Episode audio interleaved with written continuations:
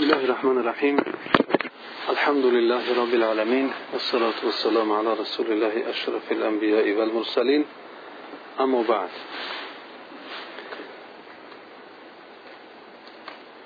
اذن خداوندی ما دفعه گذشته در مورد 16 آیت سوره اما یا که سوره نبع صحبت کردیم. و امروز صحبت خود را اطراف آیه های چندی از آیت های باقی مانده اون صحبت می‌کنیم. و اون چیزی را که ما در دست گذشته گرفتیم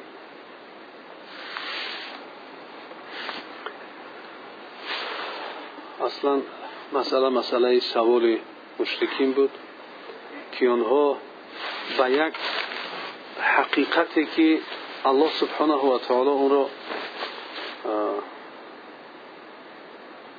مقرر کردگی است معین کردگی است و در حیات وجود دارد و باید این گونه فهمیش و این گونه بینیش و این گونه اعتقاد وجود داشته باشد.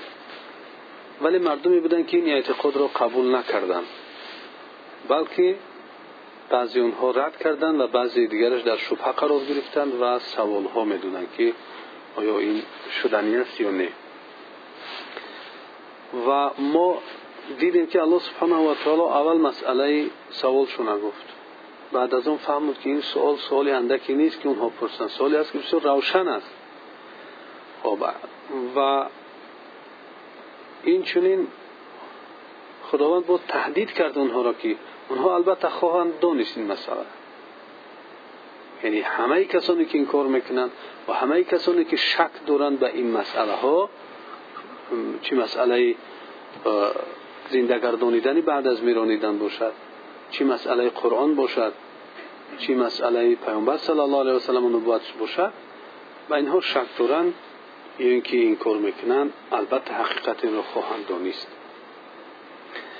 و یکی یک بارا اون نگفت که از چی می‌پرسند. بلکه مسئله را گفت که آنها می‌پرسند و خبر بزرگ است و خواهند این خبر را دانست. و بعد نه مسئله یا که نه پدیده در حیات بودگی را بیان کرد که این مظاهر قدرت علم حکمت و رحمت الله سبحانه و تعالی در این آیت ها بیان می شوند آیا زمین را بساط محل آرامش قرار نگردانیدیم و باغهای در هم پیچیده و انبوه را ظاهر سازیم و امثال اینها؟ یعنی از آیت ششم تا شانزده همه نه آیت را الله سبحانه و تعالی اینجا بیان کرد که این از جمله مظاهر یعنی نشان دهنده قدرت الله سبحانه و تعالی.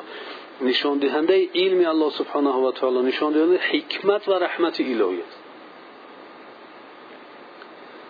ما چگونه این مسئله های قدرت گفتیم علم گفتیم حکمت رحمت الهی اینها همش یعنی معناهای حقیقی و معناهای پره و کامل این مسئله را در بر گرفتگی هستند که وقتی که انسان یک همین جهاز می‌سازه میگیم که این صاحب علم است.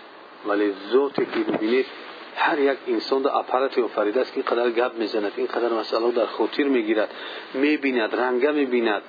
و نشان دادن رنگه و اینا این کامپیوتر اینا سالهای هشتادم پدید آمد.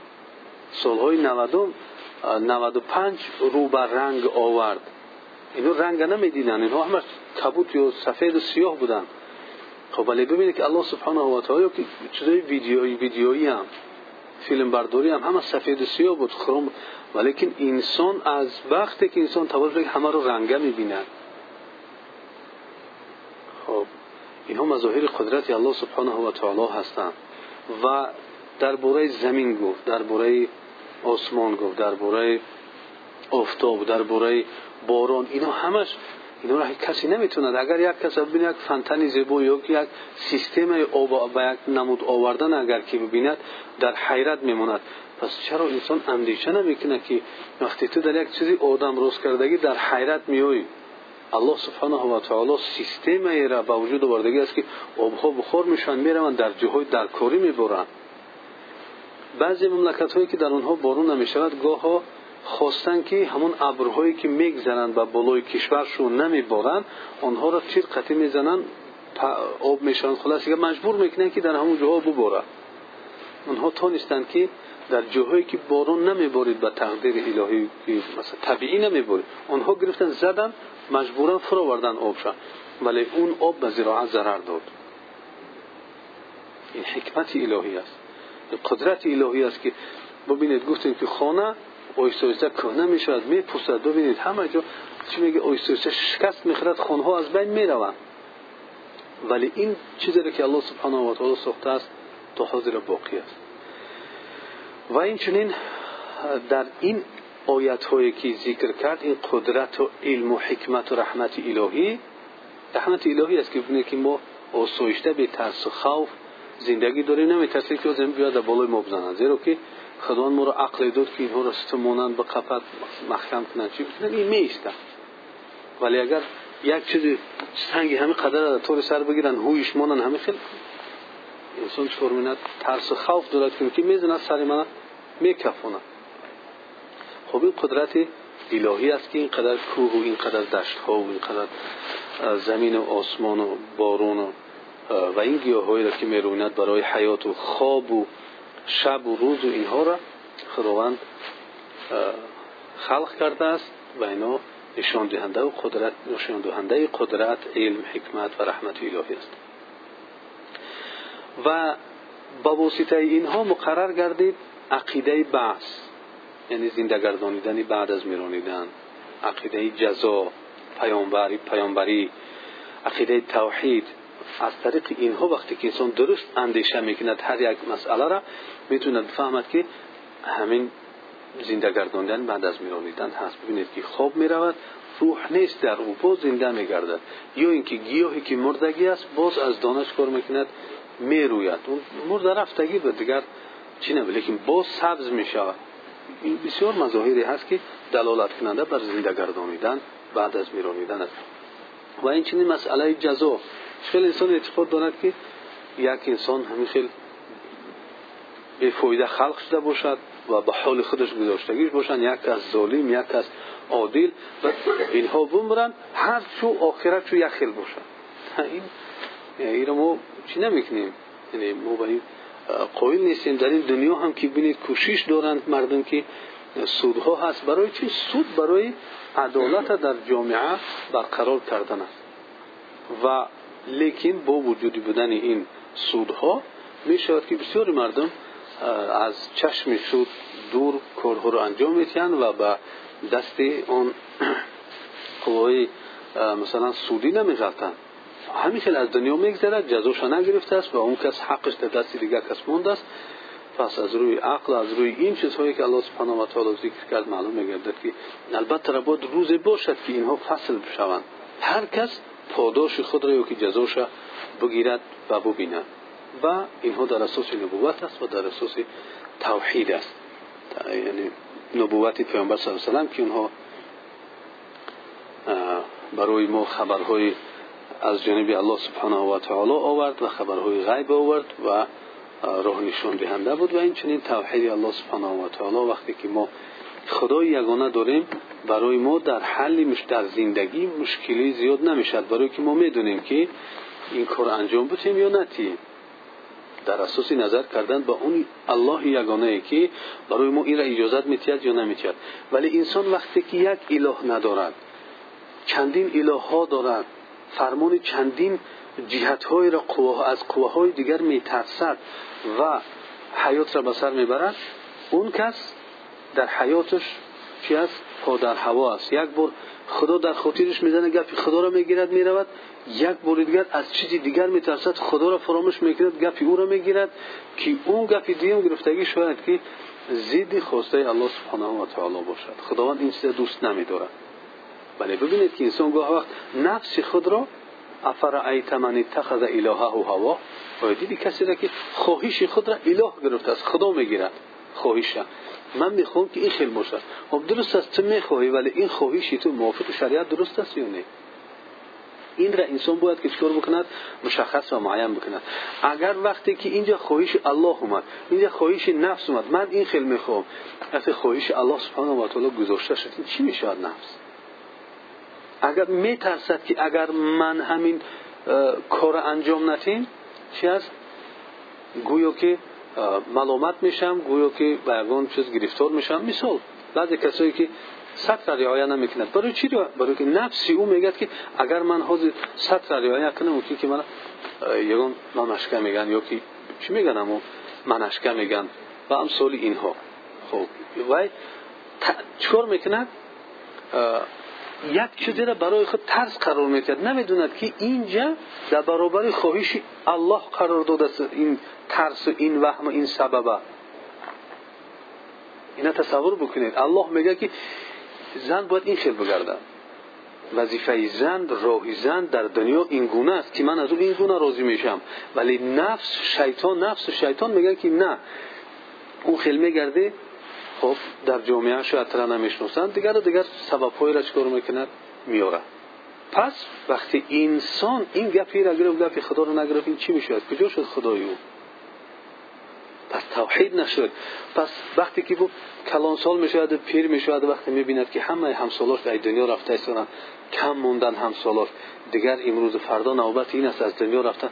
بعد می‌بینی که دیگر روی ما حالت پیری دیگر شرط نیست روی مال سخت گرفتن و سطر کردن.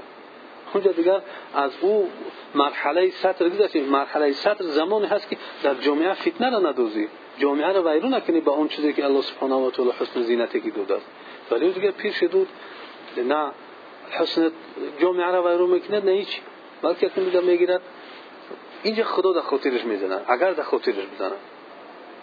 پس انسان توحید امین است که فرمان و مسئله ها را از یک از یک جو از یک مصدر از یک سرچشمه می‌گیره خب علم کامل حاصل می شود برای همه مردم. ولی اون با کی است؟ بعدی که از این جسد روح کشیده می شود وقتی جسد انسان به جان کمون مرگ که فرا رسید در این حالت دیگه می‌فهمه. وقتی که جان ما گرفته می‌شد ما اون ملائکه را با چشم سر می‌بینیم. اومده اونها می‌کشد می‌گیرد این جان ما را. و کدام صورت میاد و کدام دیگه حقیقت برای همه معلوم میشه. ولی اون علم دیگر فایده نداره. اون علم دیگر فایده نداره. یک مسئله که ما می‌تونیم در حیات از اون استفاده بکنیم از این آیت هایی که گذشت و مخصوصا شما خواهرها ممکن است که در حیات در اونجا می‌خونید یا کار می‌کنید یا با خواهران جوان دانشجوها با می‌خرید. بعضی سوال های علمی می‌تونن بعد میگن که این دین دوگما هست دین یک چیزی هست که مثلا همین مجبوری می‌خواهید همین گپ قبول بکن می‌خواهید نمی‌خواهید قبول بکن. ولی شما می‌تونید از همین 16 آیت سوره عمه برای اونها دلیل بیارید که خواهر عزیز یا اپای عزیز یا برادر عزیز. اون چیزی که شما میگید بید نگاه کنید همین 16 آیت. سوال کردن مشرکان الله سبحانه و تعالی میگه که اونها این چیز سوال کردن این خبری بزرگ است. ولی درباره سوال اونها نگفت و نگفت که شما انمی خیل بکنید.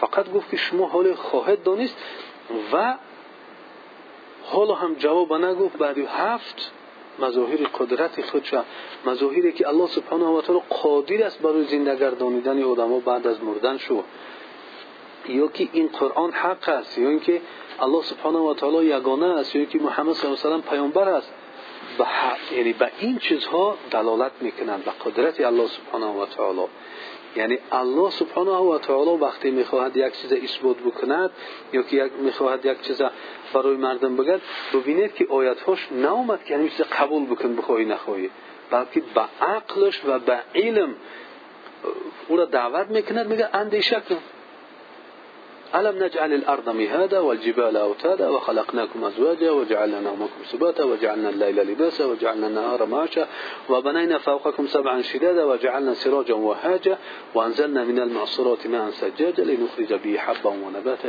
جنات ألفا خب این نه مظهر اینا همش باید که انسان پیش هم که در جواب گفت فکر کنی اول تو زمین نگاه کن کوه را نگاه کن.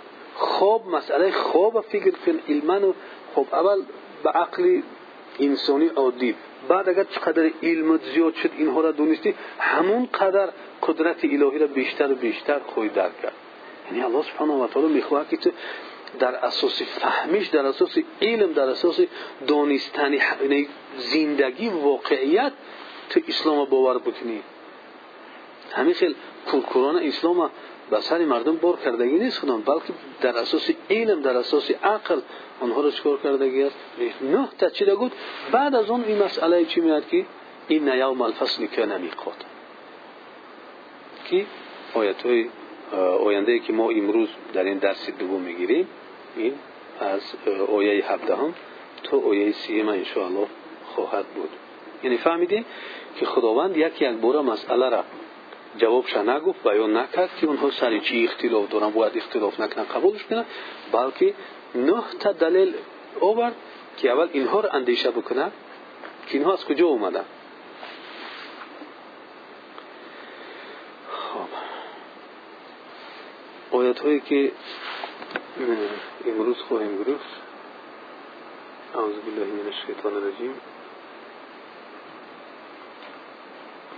بسم الله الرحمن الرحيم. إن يوم الفصل كان ميقاتا. يوم ينفخ بله آیت من یک چیزی تیار کردگی هستم انشاءالله بعد به شما در وجه میگذارم که شما چوب کرده بگیریش. خب. إن يوم الفصل كان ميقاتا يوم ينفخ في الصور فتأتون أفواجا. وفتحت السماء فكانت أبوابا وسيرت الجبال فكانت سرابا. إن جهنم كانت مرصادا للطاغين مآبا. لابسين فيها أحقابا لا يذوقون فيها بردا ولا شرابا إلا حميما وغساقا جزاء وفاقا. إنهم كانوا لا يرجون حسابا وكذبوا بآياتنا كذابا وكل شيء أحصيناه كتابا فذوقوا فلن نزيدكم. إلا عذابا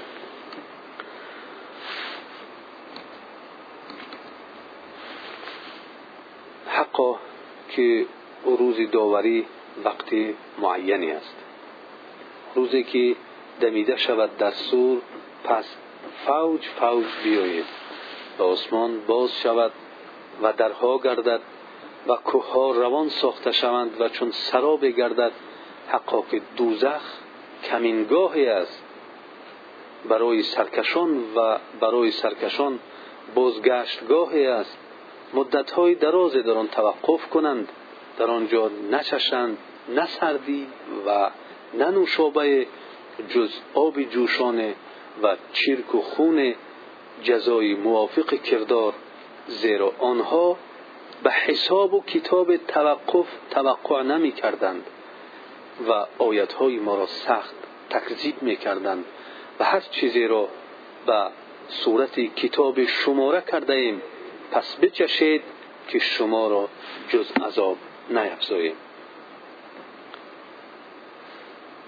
کلمات میقاتن وقت و مکانی برای اجتماع است. افواجن گروه گروه سرابن. سراب چیزی که یعنی چیزی نیست در اصل. اگر در تابستان ها نگاه کنید روی اسفالت یا که در دشت ها یک چیز آب بر این میتابد ولی وقتی انسان نزدیک می رود نیست سراب.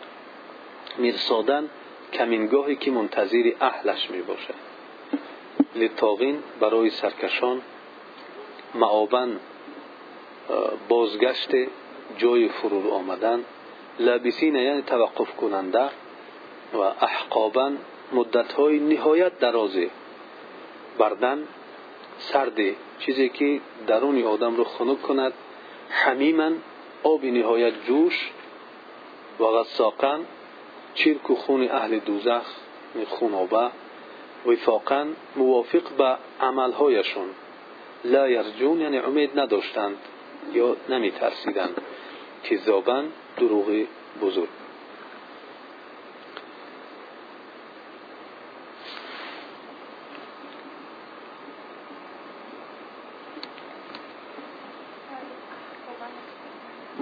های دراز. احقابا مدت های نهایت درازه.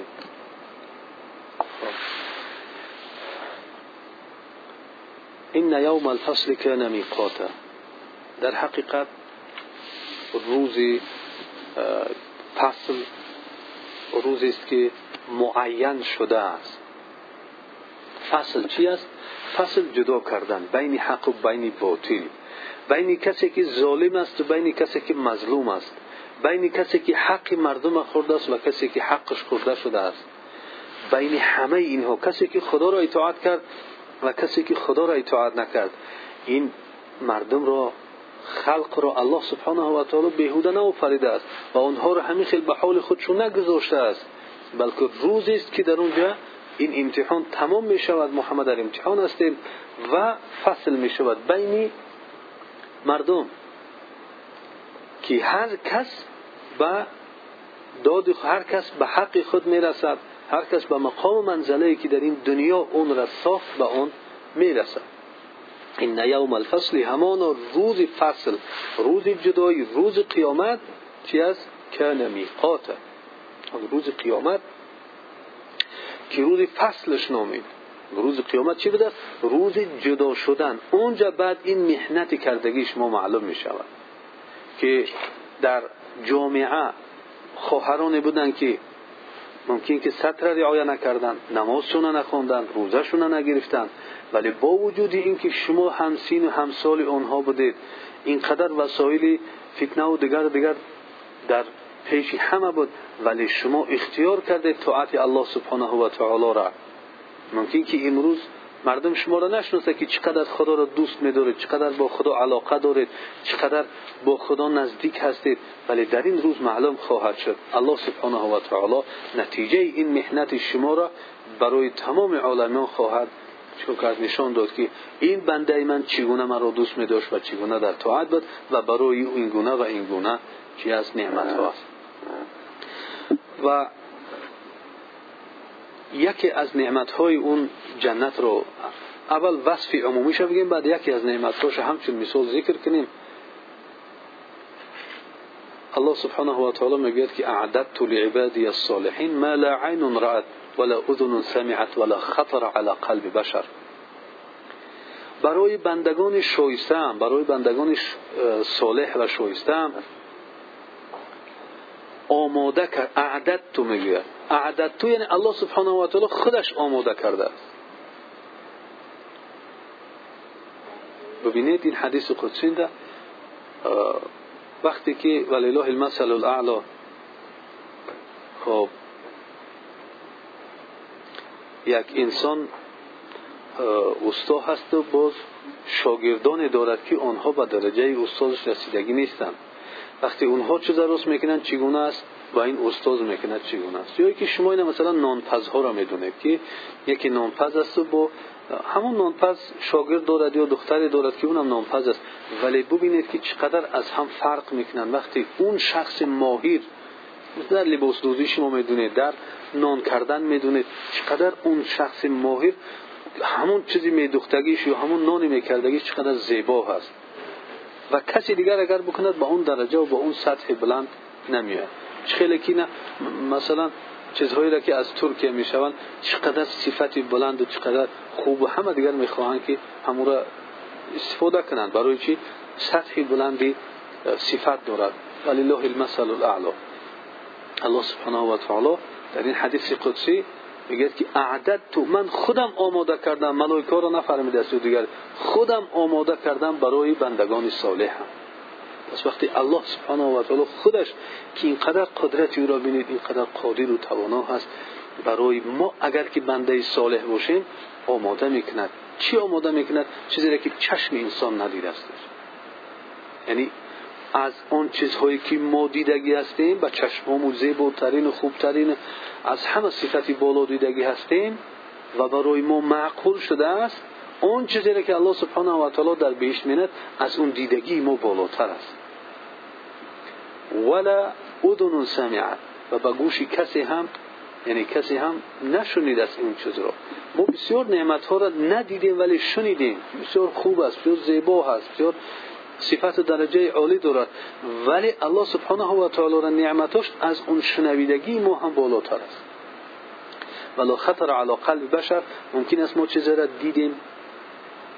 ممکن است که ما چیزی را ندیدیم و شنیدیم.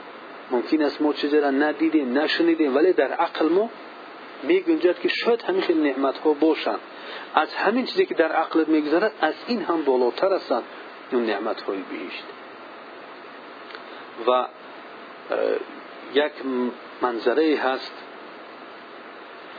در بهشت که روز قیامت مرد مرد و زنی که در این دنیا خدا را اطاعت کردن و اهل جنت شدن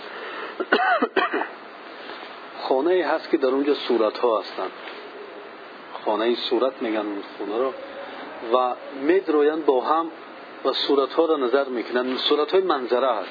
کدام منظره برای اونها موافق میآید معقول می‌شود؟ به همون منظره وارد می‌شوند با همراهی همسرشو یعنی در آمده در اونجا خداوند برای اونها آسایشگاهی را مهیا می‌کنه یکی از نعمت هایی که در این دنیا این گونه کرده نمی‌تونه هیچ کس که منظره را بکشی این منظره برای من معقول است و با همراهی همسرت است مثلا بخواهی برای در استراحت.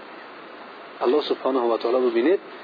روزی فصل جدا می‌شد کسانی که خدا را زحمت کرد اطاعت کرد و تکلیفات الهی را به جا آورد اون خواهدش در اونجا میچشد و اون روز روزی معین است. یعنی انسان مسلمان نباید شک و شبهه داشته باشد. اون نه دیر می رود نه بر وقت میاد میقات است. وقت معین. جای وقت معین است. اون روز چی می شود یوم ینفخ فی الصور. فتأتون افواجا. روز است که در سور دمیده می شود سور همچون یک بوق یا شیپور یا مثل چیزی که اگر در فیلم ها دیده باشید یا چی خیلی رنگ شاخ گاو و شاخ چی برین یعنی شیپور می‌کشند پوف می‌کنند در اونجا صدا بلند می‌برد. وقتی جنگ استفاده می‌شود. خب. ولی برای ما مهم نیست که اون چی صورت دارد. برای ما مهم است که ما بدونیم که در همین سور دمیده می شود و اسرافیل علیه السلام همون سور را گرفته است و منتظر فرمان الله سبحانه و تعالی است که در آن بدمد. و اون چه خیلی است برای ما اهمیت ندارد. اگر مثلا در تفسیر ها ممکنه که ببینید که شکل صورت یگان چی میگن. برای ما اون اهمیت نداره زیرا دانستن و ندانستن شکلی او ایمان ما را زیاد و کم نمی‌کند و اهمیت زیادی برای ما نداره. برای ما مهم این است که ما باور داریم در سور دمیده می شود آن سور وقتی که دمیده شد این نظام دنیا همه برهم میشه این دنیایی که این آسمانی که ما می‌بینیم این آسمان تغییر می‌خورد این زمینی که می‌بینیم زمین تغییر می‌خورد این کوههایی که می‌بینیم پاورجا هستن.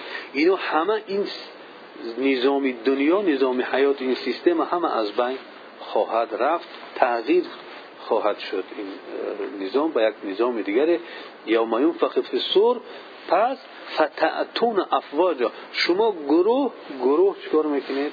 بیایید. افواجا اینجا معنای گروه گروه دارد و گروهی نیکوکاران و گروهی بدکاران گروهی یعنی با گروه ها تقسیم شده. با کدام گروهی هست که همچون گروه گروه انسان ها از آدم علیه السلام تا آخر دنیا همه یکمین بار هست که این چیز تا ها تا این وقت رخ دادگی نیست. در یک مکان همه عالم جمع می شوند زیرا در این دنیا نمی‌تونست که همه بشریت رو این روی زمین ببرد. هر زمان این یک نسل می‌رود نسل دیگر دیگر آمدن می‌گیرد اونها رو زیر خاک می‌کنند و همین خیل آنها تحل می‌شوند در زمین می‌روند و برای دیگرو برای زندگی در روی زمین مسافه و مساحتشی باقی میمونند الله سبحانه و تعالی قادر است همش ورزش کردن. ولی چون مکان معین کرده است عمرها را معین کرد و همین خیل در روی زمین این بشریتی که از آدم علیه السلام تا وقتی که تو روز قیامت میاد نمی‌توند که جمع شد و یکمین روزی که همه آنها جمع می‌شوند در همین روز قیامت است که از اول تا آخر مردم جمع می‌شوند و این زمین پهن کرده می‌شود بیشتر که همه این مردم را می‌برد. و فتحت السماء فکانت ابوابه این آسمان ها کشاده می شوند شکاف می درها باز می از عثمان این را که از خوردیم و ما دیدیم و شنیدیم و میگن که دوام بعد سری ما هم دوام می‌کند. ولی رو این روز قیامت این آسمانی که یگان ذره گفتیم کجی و نقصان ندارد این شکاف شکاف می شود درها باز می شود از عثمان. فکنت ابوابا. آن کشوده می شود و درها باز می شود و از اونجا ملائکه ها بر روی زمین می آیند و سویرت الجبال فکانت سرابا. این کوه از جای خود حرکت می‌کنند. همچون یک سراب میشن. دیگر چیزی که بگوی بخب مشغول من یگان چیز هست نیست. این کوه دیگر همه دشت می‌شوند. کوه همه پهن می‌شوند. با این بزرگی و با این یعنی کلانیشو اینا همه از بین خواهند رفت. یعنی ببینید این چیزی را که ما وقتی یک خانه را می‌بینیم چپه می‌شود یا یک درخت کلان را می‌بینیم چپه می‌شود یک دهشت ما را فرا می‌گیرد که خیلی این خانه بلند چپه شد یا خیلی این زلزله شد زمین جنبی شد. اون روز همه روی زمین بلرزه می آید و و این نظامی که هست همه نظام تغییر می بعد رحمت الهی است.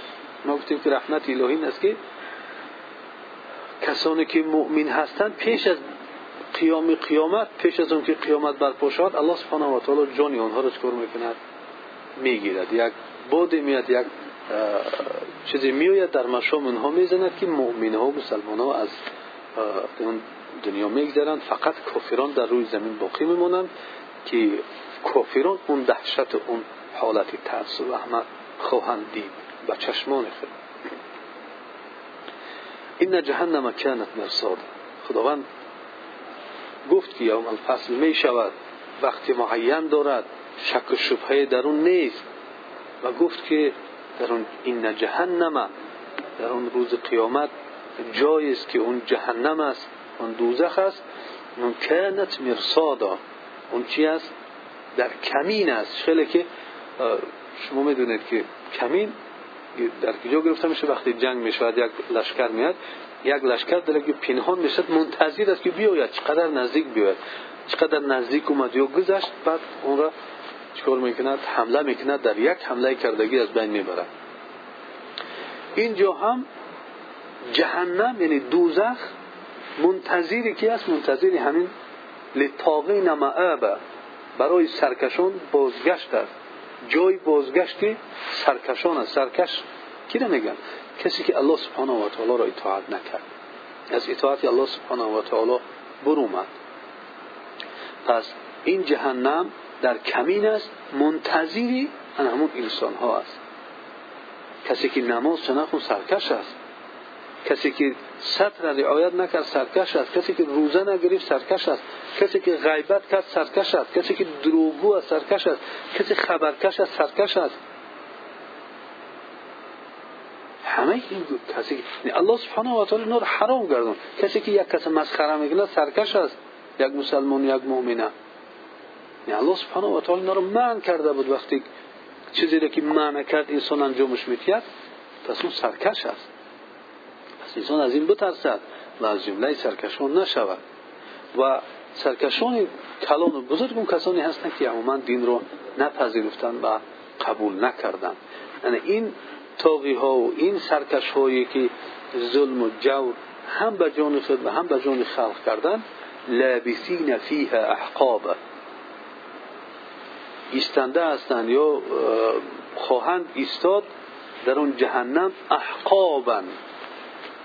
احقابا خداوند چگونه تصویر می‌کند که این مدت های دراز پشت مدت های دراز پشت مدت های دراز اینها باقی خواهند ماند.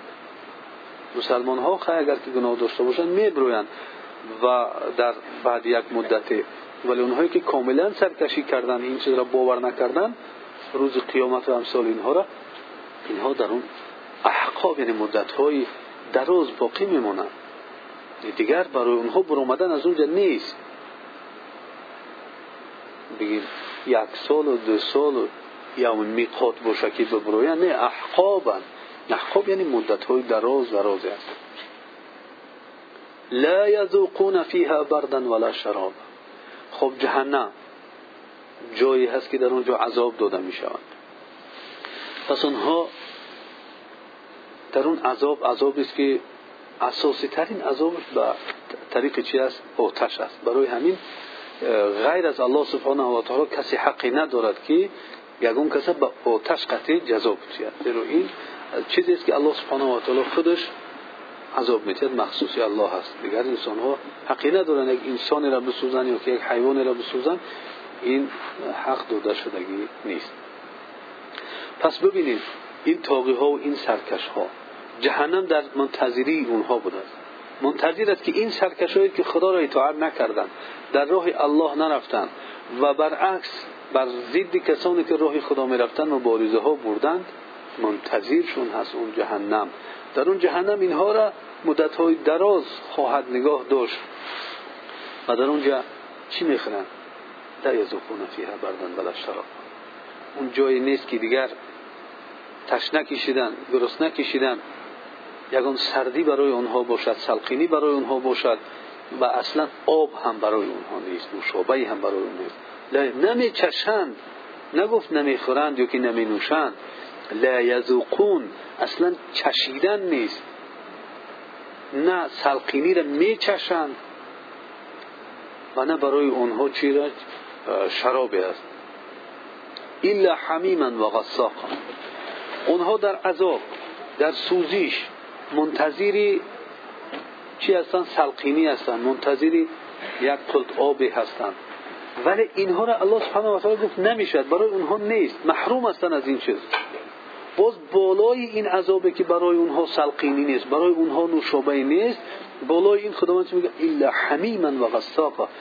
وقتی که می‌خواهند نوشابه برای اونها نیست این چیزها مگر آب جوشانه حمیم بسیار آبی بسیار سخت جوشیدگی است. غساق خونابه هست که از دوزخیان دیگر ریخته است و آنها او را می‌خورند. کی تعبش می‌کشد این چیز را بخوره آب و تعام و نوشابه اونها دیگر همین می‌شود. ببینید الله سبحانه و تعالی چقدر آنها را یعنی حالت های وزمین کننده وزمین کننده وزمین کننده را مقرر کرده است. و گفت که اون تاغین در کمینگاه هست اون جهنم مدت های دراز میستند نه سردی میچشند و نه آب بلکه تنها آب جوشان می‌خورند که همه معده و همه روده های اونها را سراخ می‌کند اون آب جوش اومدگی. و این چنین دیگر آبی که اون رو استعمال می‌کنن اون خونابه مردمی کافری دیگری هست یا جهنمی دیگری هست که اونها از اونها میریزد و این دیگراش استفاده می‌برند و خداوند ببینید که باز جزای سختری برای اونها درد سختری برای اونها مقرر می‌کنه که میگه جزاء وفاق. جزای موافق عمل شد. ما گفتیم که این آیت ها نشان دهنده رحمت الهی است. آیا این رحمت است؟ بله این رحمت است. رحمت الهی این است که کسی که خدا را اطاعت نکرد اون جزاش را ببیند رحمت الهی این است که اون تاقه ها و اون سرکش ها به این جزا همچون جزای موافق عملش و جزا داده شوند. یک کس تصور نمی‌کرد که جزا دادن این رحمت باشد. وقتی که خانه یک دوستش میآید. میدروید در خانه دوستش. دوستش کشتگی است. این چیز در سوریه در کجا رخ می‌دهد. و میبروید در حالت وقتی همون دوست میقپد چکار می‌کند؟ خلاص یه وقتی برامدند که پلیس میاد ایرا می‌بیند در اون حالت. شاید که در دستش یا در لباسش یگان خون می‌بیند. و به همین صورت قطعی یگانه کسی را که در این جنایت اونها پیدا می‌کنند همین نفر است. در حال کشتگی نیست ولی بعضی نشانه های در پیدا می شود و این را یعنی حبس می‌کنند به جنایت کشتار. همین قدر میگه من گناه نکردم من این را نکشتم این گناهی من نیست. دیگر کسی که است ولی این را اینها قبول نمی‌کنند و به زندان می رود در حالی که زن دارد فرزند دارد پدر دارد مادر دارد خیشتوار دارد زندگی دارد نقشه های در حیات دارد انسان خوب است یگان گناه نکرده است. ولی این به ترمه می‌برند به حبسخانه می‌برند و اون کسی که جنایت کرده است اون به تشویش گشته است. بعدی گذشتن شش سال به کدام صورت معلوم می شود که کشنده خیلی می‌کند؟ و ویدیو اظهار می‌کند چطور می‌کند. معلوم می‌کنند و پیدا می‌کنند کشنده حقیقی را. و میان ایره عذر می‌خواهند میگن مثلا میبخشیم ما نفهمیدیم تا شش سال محروم است. حیاتت کردیم. از زندگی شش سال محروم شده پس او انسانی که شش سال از زن و فرزند و پدر و مادر از این زندگی و از این چیز دورش کردی. به یگان گناه. در حق او کسی که جنایت کرد و اشکار نکرد خودشا. من عذاب کشیدم او چی فکر داری؟ میگه برن او را اصلا نابودش کنن عدالت اینجا می‌فهمی وقتی که به سری خودت اومد این مسئله بعد می‌فهمی که اون جزا عدالت است. اون جزا رحمت است. این کسانی که خدا برای اونها همه وسایل زندگی و اینقدر چیزهایی که در حیات می‌بینیم آسمان و زمین این نعمت های سرشار برای اونها داد. با خدا را اطاعت نکردن دیگر کسی اطاعت کردن. شیطان اطاعت کردن. اون کسی که به خدا دشمنی را اعلام کرد اطاعت کردن. بس. خداوند باز به هیچ می‌برد. باز برابر کسایی که در این دنیا بیچاره مشقت کشیدن زحمت کشیدن در راه خدا رفتن اونها رو برابر می‌کنن. روزی روزی فصل است. روزی جدا کردن این انسان ها است که اونها جهنم در, در انتظار اونها هست. باششگاه سرکش و تاقی ها اون جهنم است. در اونجا مدت های دراز باقی خواهند موند. نمی چشند نه یگان سلقینی و یگان نه یگان نوشابه را. جز چرا؟ جز آب جوشان و خونابه و خونریزه اون دوزخیان دیگری را یک جزای موافق برای عملشون اینهم کانو لا یرجون حساب. اصلا متوقع این جزا اینها نبودن. منتظر نبودن و نمی ترسیدن و یک حیات میگذروندن که گویا که این لحظه های حیاتی ما حساب و کتاب نمی‌شده باشد انسان مسلمان می‌دوند که هر لحظه حیات او از جانب دو ملائکه نوشته می شود. اون یک نفر خرش بدبخت گفت یا چیزی گفت که ملائکه دست راست ننوشتش. ملائکه دست چپ گفت بنویس. او گفت من نمی‌نویسم اون گپی نیست که را بنویسیش. خودت بنویسیش. نه اینش نوشت نوای الله سبحانه و تعالی ندا کرد. ملائکه ملائکه که بدی های انسان می نویسد دست چپ گفت چیزی را که ملائکه دستی راست ننویسته بنویسش. یک خر یک چیزی را که مسخر و مطیع انسان است مالش هست وقتی همون را یک گپی زد ببینی که اون در کارهای بدش نوشته شد. پس اینها تمام جنایت ها و تمام جرم انسان در حیات می‌کند. خداش اطاعت نمی‌کند. بلکه اطاعت یک طرف از ضد خدا وقتی که مبارزه می‌برد مسخره می‌کند. این اصلا گمان می‌کند که اینا حساب و کتاب نمی‌شوند. و کذبوا بآیاتنا کذابا. و این آیت ها و این علامت ها و این نشانه ها و این دلیل هایی که ما آوردیم اینها را اصلا تکذیب کردن قبول نکردن. اینها بسیار دروغ کلامش شماریدن و آنها یعنی دروغ خودشو می‌گفتن زیرا که بسیار چیزها را قبول می‌کرد. خیلی که یک روز دعوا می‌کردن که انسان اصلش از میمون است و همچون علم برای مردم این نظریه ها را برای می آموزاندن خیلی که نمیخیل مکتب ها و دانشگاه ها و دانشکده ها مردم درس میخوندن این نظریه ها درس داده می‌شد. همچون علم برای مردم آموزانده می‌شد امروز معلوم شد که این نظریه ها و این علم ها غلط بدستن دروغ بدستن آیا همون کسی که همین گفت که از میمون انسان اومده است یک بار تصور نکرد که از کجا می‌گیره همین گفه؟ یک معلم در یک مکتب سالهای و نوت سالهای هشتادم وقتی همین درس می‌گذارد که انسان اصلش از میمون است. یکی از طلبه ها میگه که معلم یک چوزت باشد یک گپ بگم میگه مرحمت بگو. میگه میبخشید معلم اصل ما از میمون نیست اصل ما از آدم علیه السلام است. لیکن شما ممکن اصلتون از میمون باشد که کم کم مانندی اون معلم هم سیحتا و کمتر همون شکل میمون هم داشت خداوند هدایت که اگه مسلمان زاده است ما. ولی این بچه میگردد میگه که شما شکل تو مانندی دارد. شاید پدر بابای شما اصل تو از میمون باشد ولی اصل ما از آدم علیه السلام آمده سرش می‌کند که از تریزه بچه میپرد میرم خب ببینید وقتی علمی را گفته استاده وقتی میگن همون چیزی را گفتی اصل آدم از میمون است. وقتی میگه پدر بابات اصلش است برای چی قرار می‌کنه معلوم است که دروغ میگه. اگر راست می‌گفتی خرسند میشیدی. برای که همون علمت موافق یافت. ولی می‌دونن که دروغ هست قبول نمی‌کنه او و کل شیء احصیناه کتاب الله سبحانه و تعالی میگه که همه چیز را ما در کتابت شما بر شمار گرفتگی هستیم به شمار نیستن فمن یعمل مثقال ذره خیرا یره و من یعمل مثقال ذره شرا یره. کسی که به اندازه یک مثقال ذره یعنی اندکترین کاری را که شما انجام می‌دید چقدر خورد و چقدر کم هم باشه. همه اونها رو ما به کتابت نوشتگی هستیم.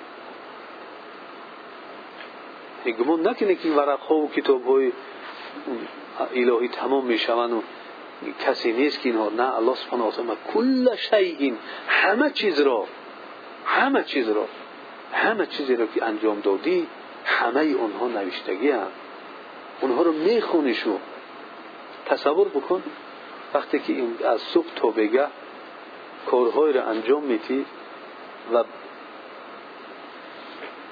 سحر از ساعت هشت تا هشتی سهره از این ساعت تا سهر دیگر میان در تا تختق می‌کنن یک ورق میتیند میگن خواهر عزیز این کارهایی را که از ساعت تا بگه 24 ساعت شما انجام دادید شما چکار خواهید کرد این گونه که حاضر به تشویش هستید همین خیلی خواهد بود یا اینکه بعضی جایهای اونها خرسند و بعضی جایهای اونها سرخ خواهد شد روی شما. شرم خواهید داشت از اون چیزی که نوشتگی است. هر یک کس تصور بکند که یک روز بعد هر روز برای من همین ورق هم میارن میتیم چگونه خواهد شد حیاتی او؟ انسان مؤمن مسلمان می‌دوند که همه اون چیزی را که انجام میتید نوشته شدگی هستند. پس الله سبحانه و تعالی در ادامه آیت میگه که فذوقو پس بچشید. نکن این عذاب رو بچشید فلن نزیدکم الا عذابا. باز عذاب سختری برای اونها که ما برای شما چیز اضافه نمی‌کنیم. تنها چیزی را که اضافه می‌کنیم زیاده میگردیم برای شما اون عذاب است.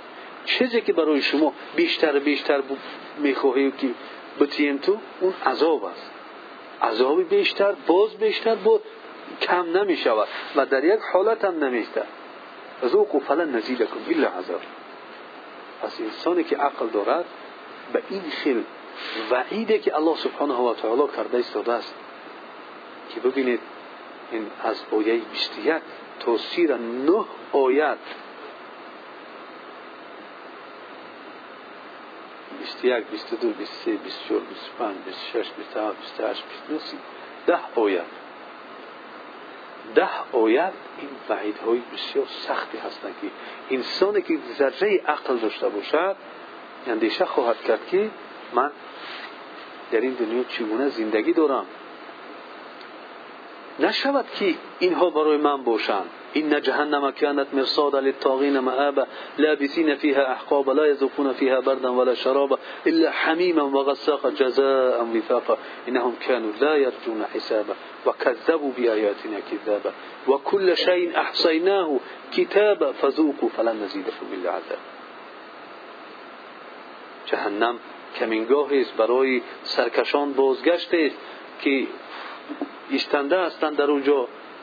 مدت های دراز نمی چشند در آن نه سلقینیه و نه آب و جز آب جوشان و خونابه جزای موافقه حقا که اونها متوقع حساب نبودند و با آیت های ما تکذیب می‌کردند و همه چیز را ما در کتاب کتابت کرده نوشته هستیم. پس بچشید که هرگز ما چیزی را زیاده نمی‌کنیم مگر عذابه این است طایفه اولی که الله سبحانه و تعالی بیان کرد نسبت نسبت به همون عقیده که در روز قیامت داشتن. مسئله سوالی که دادن در همین سوال جوابش مردم دو طایفه میشن. یک طایفهش همین ها هست.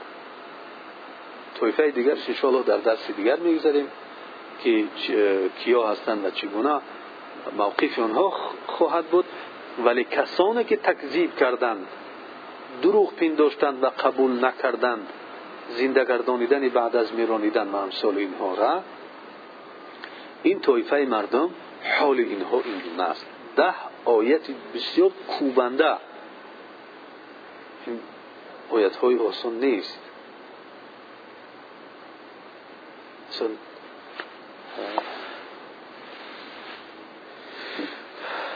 اینا وعیدی که اومده استاد است برای عذاب از جانب الله هست. گپ یک بشر نیست گپ یک انسان نیست گپ پیامبر نیست.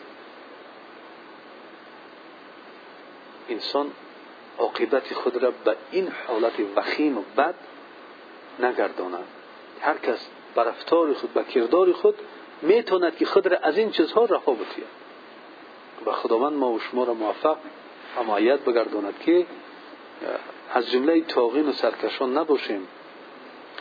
و جهنم در منتظر و در کمینگاهیمون نباشد و در جهنم خداوند از مدت های دراز نگه داشتن ما رو نگه بدارد.